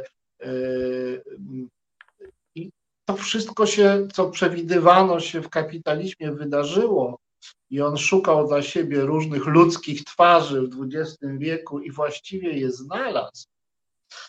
E, tyle, że zmieniły się zupełnie reguły gry na przełomie XX i XXI wieku i takie zwykłe socjaldemokratyczne myślenie również samych kapitalistów, że my musimy dbać nie tylko o zysk, ale także o pracowników e, i o dobrostan społeczny, że jak będziemy mieli dobre, zamożne społeczeństwo i, i, i dobre porozumienie, dobrą relacje z pracownikami, to i kapitaliści też na tym zyskają, ca, cała gospodarka na tym zyska, e, że, że trzeba mieć na uwadze nie tylko zysk, ale też wartości, którym ta dana działalność gospodarcza służy. To wszystko było zrealizowane przez, na, na, na zachodzie, przynajmniej na zachodzie Europy i, i, i to świetnie funkcjonowało. Tyle, że zmieniły się zasady, dlatego że e, w pewnym momencie e, e, tym najwyższym dobrem, o które się wszyscy zabijają w tej konkurencyjnej, kapitalistycznej gospodarce, przestał być pieniądz, którego jest Dużo jest go pod dostatkiem, występuje w postaci głównie wirtualnej, kredytu, który jest bardzo łatwo dostępny, e, ale stała się w coraz większym stopniu e, również czysto symboliczna wartość, którą jest informacja, wiedza, kompetencja. To już nie jest aż takie symboliczne. No w każdym razie ludzie się zaczęli walczyć, walczyć o, o inne rzeczy niż pieniądze. O pieniądze również, ale przede wszystkim o inne rzeczy. O to, żeby mieć przewagę kulturową, intelektualną, organizacyjną na rynku, o to, żeby skumulować jak największą wiedzę, żeby opanować w sferze własnej działalności możliwie największą część rynku. I oczywiście zwykła konkurencja ekonomiczna nadal jest podłożem E, tej e, e, aktywności gospodarczej i, i, i rywalizacji, i szukania innowacji. I nadal działa zas podstawowa zasada cięcia kosztów prawda, i konkurowanie ceną. I nadal kapitaliści chcą kupować pracę ludzi jak najtaniej, ale jednocześnie zależy im w równym stopniu na, na, na zupełnie nowych rzeczach które się tak prosto tej logice konkurencji nie poddają. Zależy im na y, y, gromadzeniu danych, na y, zajmowaniu ludzkiej uwagi i czasu, na, na wywieraniu wpływu na e, sposób, w jaki ludzie myślą e, i żyją. E, te wielkie podmioty, które pani wymieniła, wielkie no, cyfrowe przedsiębiorstwa jak Google, czy Facebook, czy Amazon, nie są tylko maszynami cynicznymi do zarabiania pieniędzy i ich zarządy naprawdę mają parę innych rzeczy na uwadze. Mają swoje koncepcje, mają swoje e, misje i te misje nie są sztucznymi marketingowymi dodatkami do chciwości, wręcz bynajmniej. Właściwie o to chodzi, że ten świat nie jest już taki prosty. E, tyle, że te misje, e, no, jakby są samozwańcze. Oni sobie wymyślili taki świat, który za pomocą swoich wielkich przedsiębiorstw kreują, e, a my dokładnie robimy to, co oni nam każą, ponieważ to jest przyjemne i dla nas korzystne. I trudno im czynić z tego zarzuty, że no, po prostu dostarczają nam produkty, które bardzo lubimy, a niebezpieczeństwa, które się rodzą na przykład na Facebooku, e, no prędzej czy później będą zażegnywane, no bo tej firmie też odpowiada to, aby no, no stara się że, że jak najlepszy wizerunek, chciałaby mieć e, z głowy różne, różne problemy, które rzeczywiście ich działalność E, wywołuje. Więc to nie jest tak, to nie, to nie jest taka prosta gra, że tu są cyniczni krwiopijcy, a tam są e, wykorzystywani czy wyzyskiwani albo ogłupiani ludzie. To by było jeszcze do załatwienia. To tak działa socjaldemokracja. Próbuje trzymać w ryzach tych kapitalistów, którzy są jak ta kura nosząca złote jaja, trzeba jej tam dać co potrzebuje, trochę sianka, grzędę i ona będzie te złote te jaja znosić, każde jajo na pół, pół ci zostawiamy, a pół bierzemy na redystrybucję, e, e, na welfare state, na, na, na państwo socjalne. To przestało działać i e, przedmiotem konkurencji stały się także inne rzeczy niż, niż pieniądz. I problem z tymi wielkimi korporacjami jest taki, że, taki, że one, one się muszą rozrastać i muszą być takie potężne, bo jakikolwiek uszczerbek na ich e, ekspansji no powoduje, że za chwilę wyrośnie inna korporacja, która skumuluje taki kapitał, że e, no, przejmie część rynku i stworzy jakieś innowacje, które będzie liderem jakichś innowacji i, i, i zachwieje tym, te, tą potęgą e, domina, dominującego wcześniej takiego półmonopolisty jak Google na przykład. E, więc on musi tę swoją pozycję starać się utrzymywać wszelkimi metodami. To jest bardzo trudna sytuacja, bo, bo no proszę sobie wyobrazić, co by było, gdyby mm, no, wziąć za twarz te, e, te, te, te, wielkie firmy. No po prostu musielibyśmy się parę kroków do, do tyłu cofnąć. Nagle to, co nam jest, się oferuje E, w internecie będzie e, skromniejsze, będzie mniej innowacyjne, będzie droższe, no coś za coś. Albo, albo władza polityczna przejmie kontrolę nad, nad tymi firmami w imię demokracji, w imię tego, że od władzy to są ludzie wybrani przez, przez społeczeństwa, a nie wielcy kapitaliści, czymkolwiek tam handlują informacją czy pietruszką. E, e, albo przejmą kontrolę nad nimi i wtedy ten rynek innowacji, innowacji elektronicznych i tego wszystkiego, co się dzieje w sieci czy przez sieć, zostanie przyduszony, e, albo no, zostawiamy tym ludziom, którzy kierują tymi korporacjami, zostawiamy wolną rękę i patrzymy, co będzie dalej. Ale proszę nie myśleć, że to tak wygląda, że tam jakiś ci wszyscy szefowie bazy, czy inni tam, e, jak się tam nazywa, e, Zuckerberg, Zuckerbergi, to oni są tacy wredni i, i, i tacy cyniczni. Jeszcze pół biedy by było. Oni są filozofami, którzy nam wymyślają nowe życie, a my w to wchodzimy. Nikt nie musi wchodzić na Facebook, nikt nie musi mieć profilu na Facebooku. Naprawdę nie ma takiego takiego przymusu. My to po prostu wybieramy. E, może Google, jakaś wyszukiwarka musi być, no dobrze, ale, ale też nie musi to być koniecznie Google, więc nie, te monopole my tworzymy solidarnie. Pan Jurek z Krakowa, słuchamy. E, dobry wieczór, panie, e, panie Janie. Po, pozdrawiam, widywaliśmy się w barze mlecznym A, to, ale tak chciałem się odnieść do, do tego, co do tych negatywnych wizji, jak to cały świat na psy schodzi, katastrofa nadchodzi, zniewolenie, e, ludzkość wymierać będzie już niedługo. Pan się cieszy, że, że być może nie dożyje.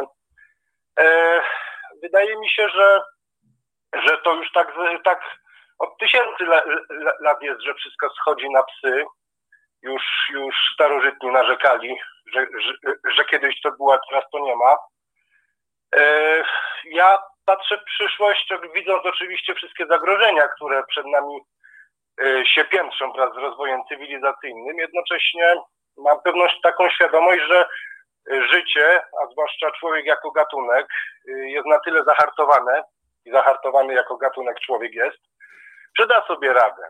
Nawet żyjąc w jakichś apokaliptycznych wizjach w podziemnych bunkrach poniżej spalonej słońcem, słońcem powierzchni planety, wciąż, wciąż ludzie będą, będą się, się rodzić, będą mieć swoje sprawy, będą w jakiś sposób y, produkować pożywienie, kochać się, rozmnażać, wychowywać dzieci. I tak będzie po, po, po kres dziejów, być może, być może osobno będą robić to ludzie na, na Ziemi, osobno na Marsie, czy, czy jeszcze gdzie indziej, czy, czy jeszcze w innych habitatach pozaziemskich. E, I tak to się będzie toczyło, tak, tak jak od, od, od zawsze się toczy. To tak chciałem trochę, trochę tak przeciwstawić się tym apokaliptycznym wizjom, jak to na psy wszystko schodzi. Ale panu się Było lepiej. panie Jurku, no w ogóle się panu nie udało. Przecież pan roztoczył wizję apokaliptyczną e, e, e, już taką, że już bardziej nie można. No, no może, nikt nie mówi, że ludzkość nie przetrwa globalnego ocieplenia. No, sam pan mówi, że jakoś tam przetrwa. Wszyscy wierzymy, że jakoś tam przetrwa. Chodzi o to, że jakoś tam, jakim kosztem.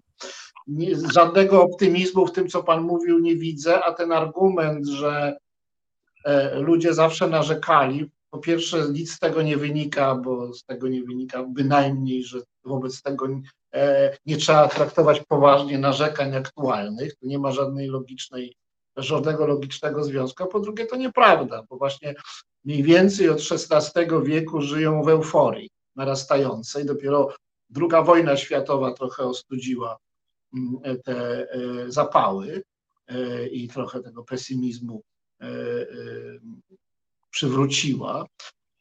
Więc to nieprawda. Natomiast, natomiast no, no pewnie, że przed nie mówi. Nawet najbardziej zajadli katastrofiści, którzy na, nam serwują kasandryczne e, wizje zagłady, e, jakiś istny Armagedon, e, e, nie mówią, że w ogóle nie przetrwamy. No, chodzi o to, co, na czym ta katastrofa będzie polegać. Jeśli katastrofa ma polegać na tym, że zginie, że, że zginie w ciągu najbliższych 100 lat e, śmiercią, e, tragiczną śmiercią, prawda, jakąś, prawda, kilka miliardów ludzi, a pozostali będą żyli e, e, w wielkim stresie, napięciu, e, walcząc o, o przetrwanie, no to ja bardzo dziękuję. To ja właśnie się tego dokładnie boję, że takiego wariantu. Oczywiście może być inaczej.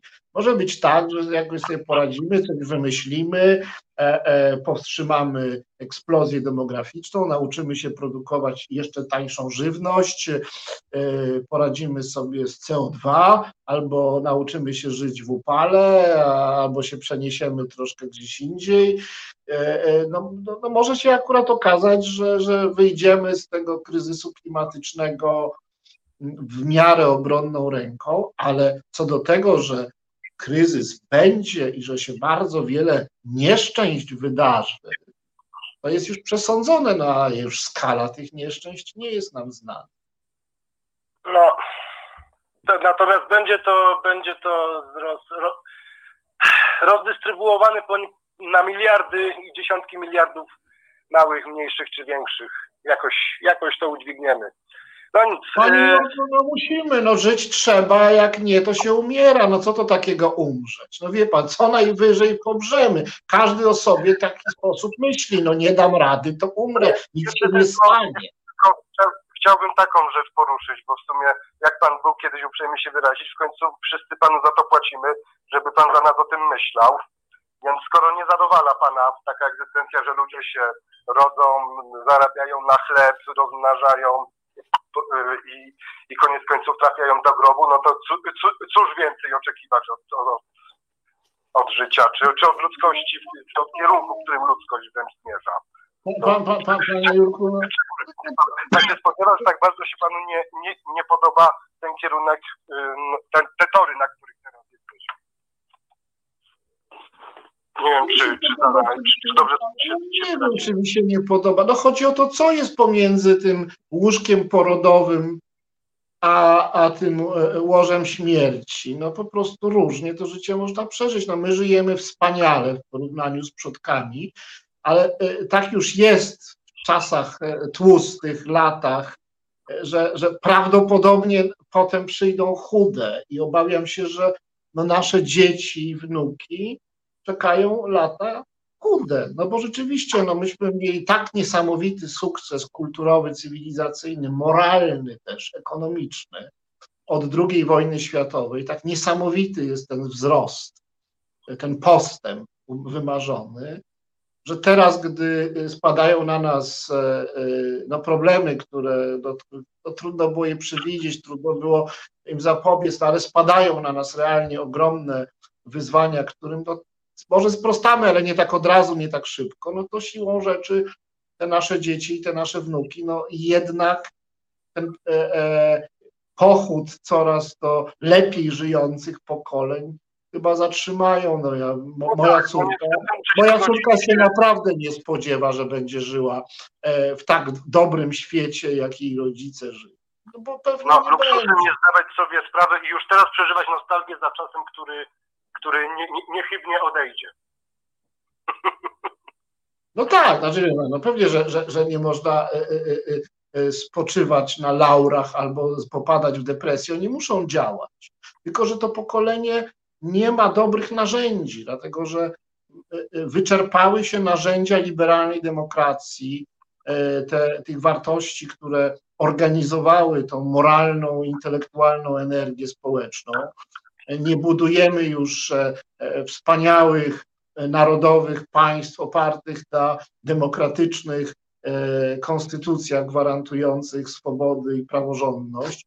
Ta, ta, ta zabawa nam się już znudziła, skończyła.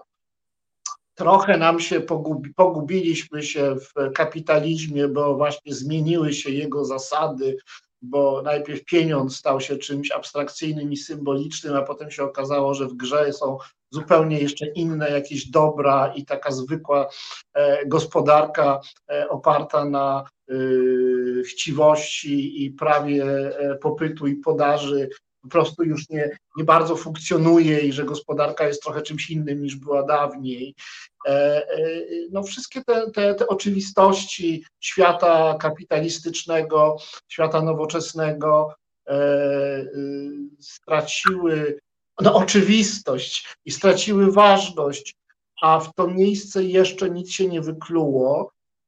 No, czeka nas taka epoka mgławicowa, taka epoka transformacji. My jesteśmy na zakręcie, nie wiemy, co będzie za tym zakrętem, nic mądrego nie wymyślimy. E, e, I owszem, no, jakoś to będzie, panie Jerzy, no jakoś będzie, o, o tego jesteśmy pewni, tylko naprawdę nie jest to wielka mądrość stwierdzić, że jakoś to będzie, no będzie, tylko jak. No. Dobrze, dziękuję za rzucenie odpowiedniego światła na tę kwestię. Dziękuję bardzo. E, czytam, co piszecie. Pieniądz coraz mniej warty jest w tym kraju. E, myślę, że jakaś zaraza nas przetrzebi i no właśnie. E, e, czy przetrzebi nas zaraza? No tak, co pewien czas nas trzebi zaraza od, od tysięcy lat. I będą kolejne zarazy, tylko że one teraz będą globalne i wszystko będziemy przeżywać razem wspólnie w wymiarach globalnych. Na tym polega różnica. Nie na tym, że dawniej nie było epidemii, a teraz są. Były gorsze epidemie, tylko jakoś tam lokalne, a teraz będą globalne.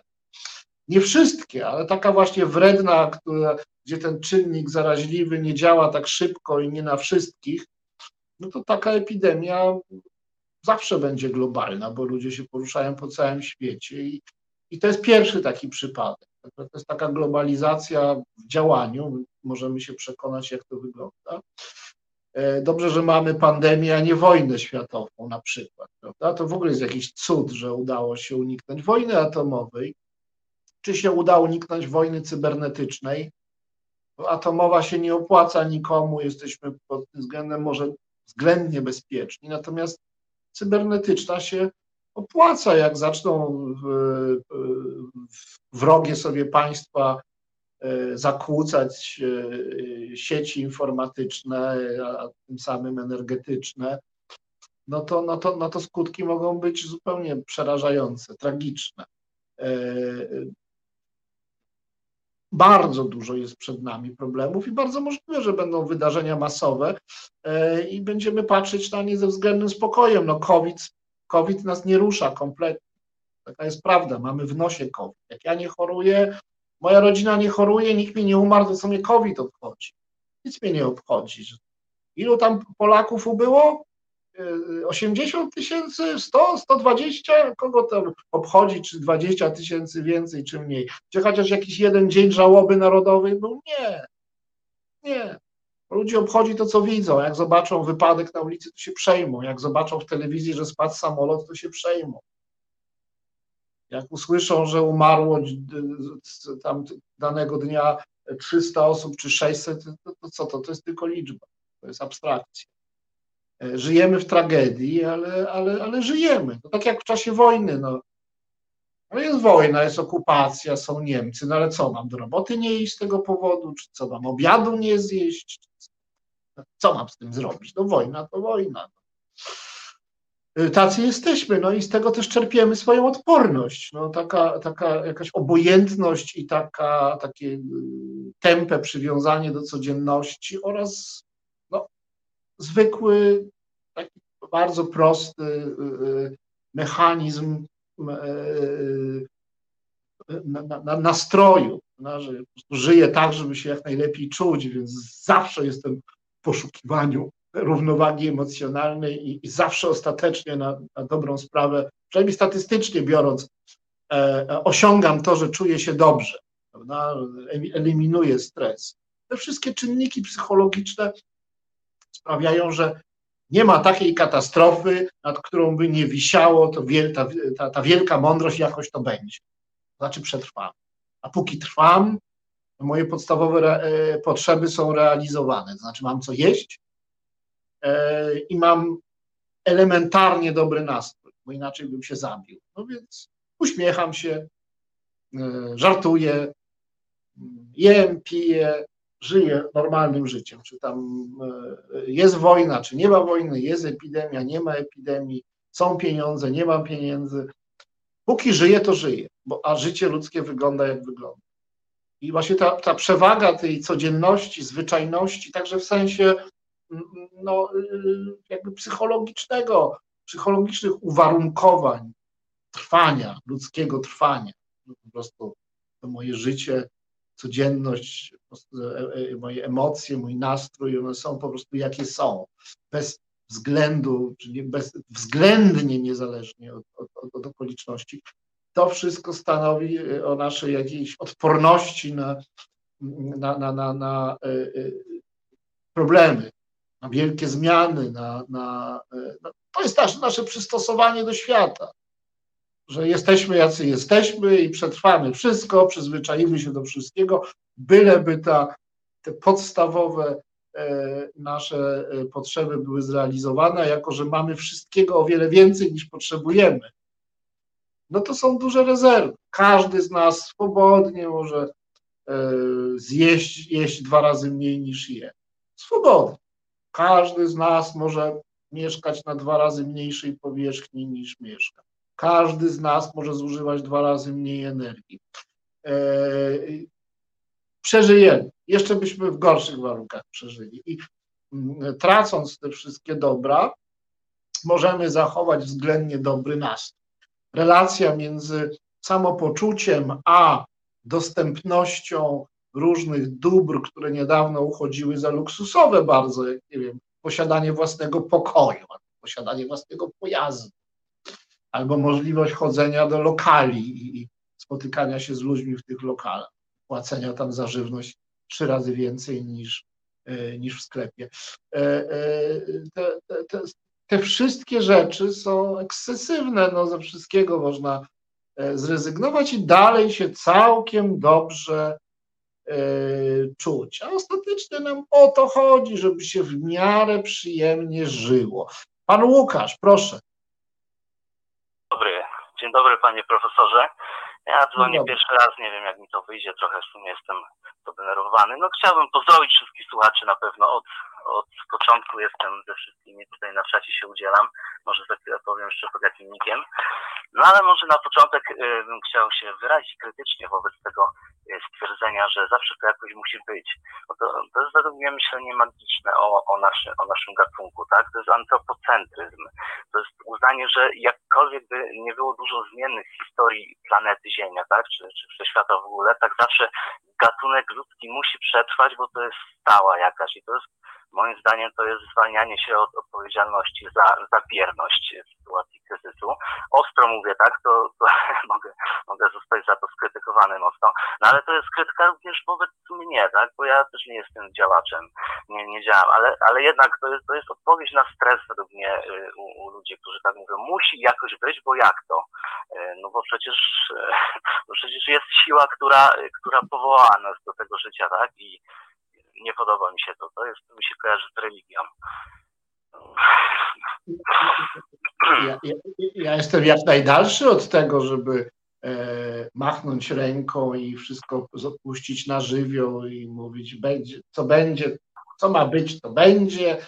Nie musimy się przejmować, jakoś to będzie. No nie, wręcz przeciwnie, bardzo bym chciał, żeby e, e, ludzie byli aktywni, e, się mobilizowali, odpowiedzialni.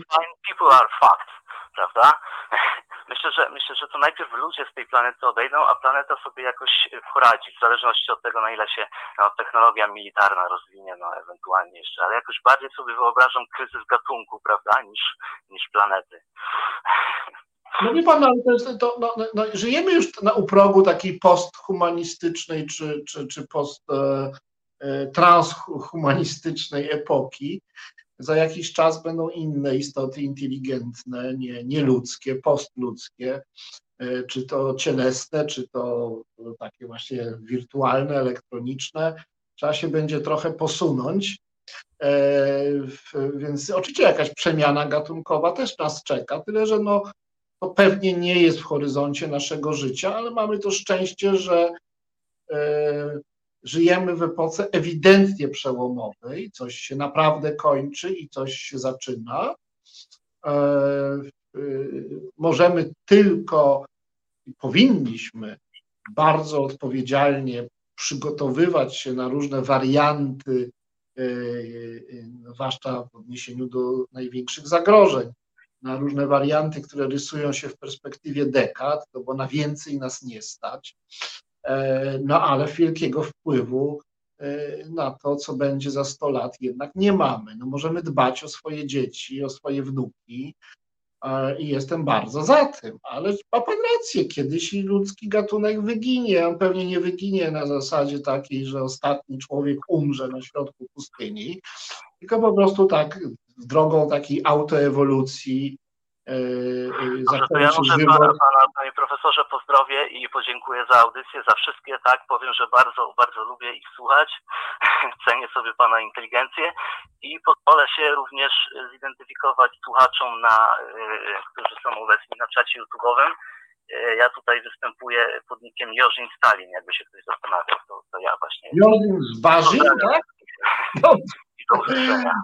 Dziękuję bardzo, bardzo mi miło. Jorzyn z Barzin, czyli Józek z Bagien po czesku. Była taka piosenka, wszyscy wiemy, Jorzyn z Barzin, Mociarem si bliży. E, e, więc ja myślę, że my się wszyscy tak naprawdę zgadzamy, tylko możemy się różnić co do naszego stopnia pesymizmu czy optymizmu, ale wszyscy jesteśmy równie bezradni. Możemy mówić, no zróbmy coś, niech ktoś coś z tym zrobi, no wszyscy powinniśmy wziąć odpowiedzialność, powinniśmy e, e, e myśleć o przyszłości, koordynować e, swoje, swoje aktywności, trzeba, e, trzeba zacząć coś robić, a, ale tak naprawdę to my niewiele możemy i niewiele mamy też do powiedzenia. No, przyszłość ma to do siebie, że za bardzo się nie jest, nie, nie jest przewidywalna. Aktywizm ma to do siebie, że zawsze aktywnych jest e, niezbyt wielu, e, a narzeka bądź też alarmuje znacznie więcej osób. No i też prawdą jest, że ogromna większość ludzi ani się nie aktywizuje, ani, ani się nie chce za nic brać odpowiedzialności, ma generalnie wszystko w nosie. Tak było, jest i będzie. E, taki jest człowiek. Natomiast no, no nie ma mądrych właściwie odchodzi, no nie ma mądrych. Nie jest tak, że przyjdzie jakiś technokrata plus filozof yy, plus ekonomista yy, i powiedzą, mamy tak, tak, tak, możemy zrobić to, to i to. Yy, ten wariant kosztuje tyle, ten tyle, ten tyle, to można wdrożyć w ten sposób, to można wdrożyć w ten sposób, a to w ten sposób. Nikt tego nie zrobi, a jeśli zrobi, to to będzie na papierze. No, nikt nie wyprzedzi historii, no, muszą się pewne nowe struktury E, instytucjonalne ukonstytuować, jakieś nowe sposoby myślenia odpowiedzialność musi przybrać jakieś nowe kształty. Na razie jesteśmy w takiej epoce alarmistycznej. No, no, Greta Thunberg jest najlepszym przykładem, prawda? No, jesteśmy alarmowani przez nastolatkę. No dobrze, no to już jesteśmy zaalarmowani. No i teraz ruch nadal należy do tych, którzy mają realną władzę, a to, że ich realna władza jest rozproszona, ograniczona, ich kompetencje też są ograniczone, bo też nigdy tak wielkich wyzwań nie było, no to to jest prawda. No musimy poczekać, aż się te kompetencje skumulują, skoordynują, aż się wyklują jakieś instytucje. To są wszystko, działanie globalne jest działaniem sieciowym, no nie będzie rządu światowego ani nawet jakieś panele, konferencje, umowy międzynarodowe, no też nie pomogą. To musi być e, ta synergia różnych działań musi być na innym poziomie, jeszcze jakiś wyższy poziom koordynacji musi e, nastąpić. No i być może takie rzeczy jak ta pandemia są ćwiczeniami z koordynacji różnych działań w, e, skali, w skali globalnej. No jednak są pewne pozytywne mm, przejawy, które no, y, takiej globalnej polityki, które dają jakieś nadzieje na przyszłość. No, na przykład handel, system e, e, y, handlu kwotami CO2. To jest jakieś, czy porozumienie z Kyoto. To, są, to nie są rzeczy wystarczające, ale coś się dzieje, prawda? Albo jak Chińczycy obiecują bezemisyjność, przemysł bezemisyjny e, do, do połowy stulecia, to, to, to, to jednak coś znaczy.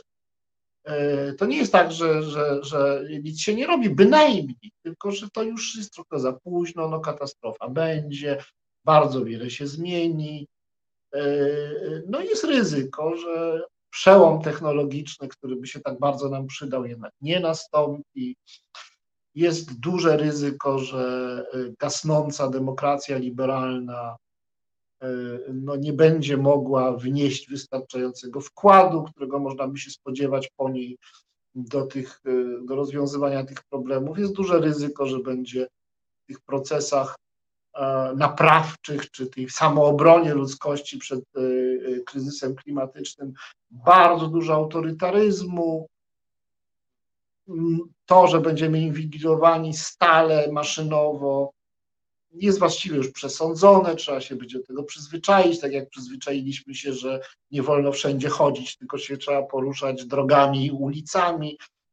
Być może się trzeba będzie przyzwyczaić do jakiejś kontroli prokreacji. No, różne ograniczenia nas czekają pewnie. Prawie na pewno taka nieumiarkowana konsumpcja, która jest dzisiaj udziałem ogromnych rzesz ludzi takie kupowanie nieustanne nowych rzeczy, jeżdżenie, latanie, e, wyrzucanie jedzenia i tak dalej, to pewnie też się będzie musiało skończyć. No inaczej będą żyły nasze dzieci i nasze wnuki.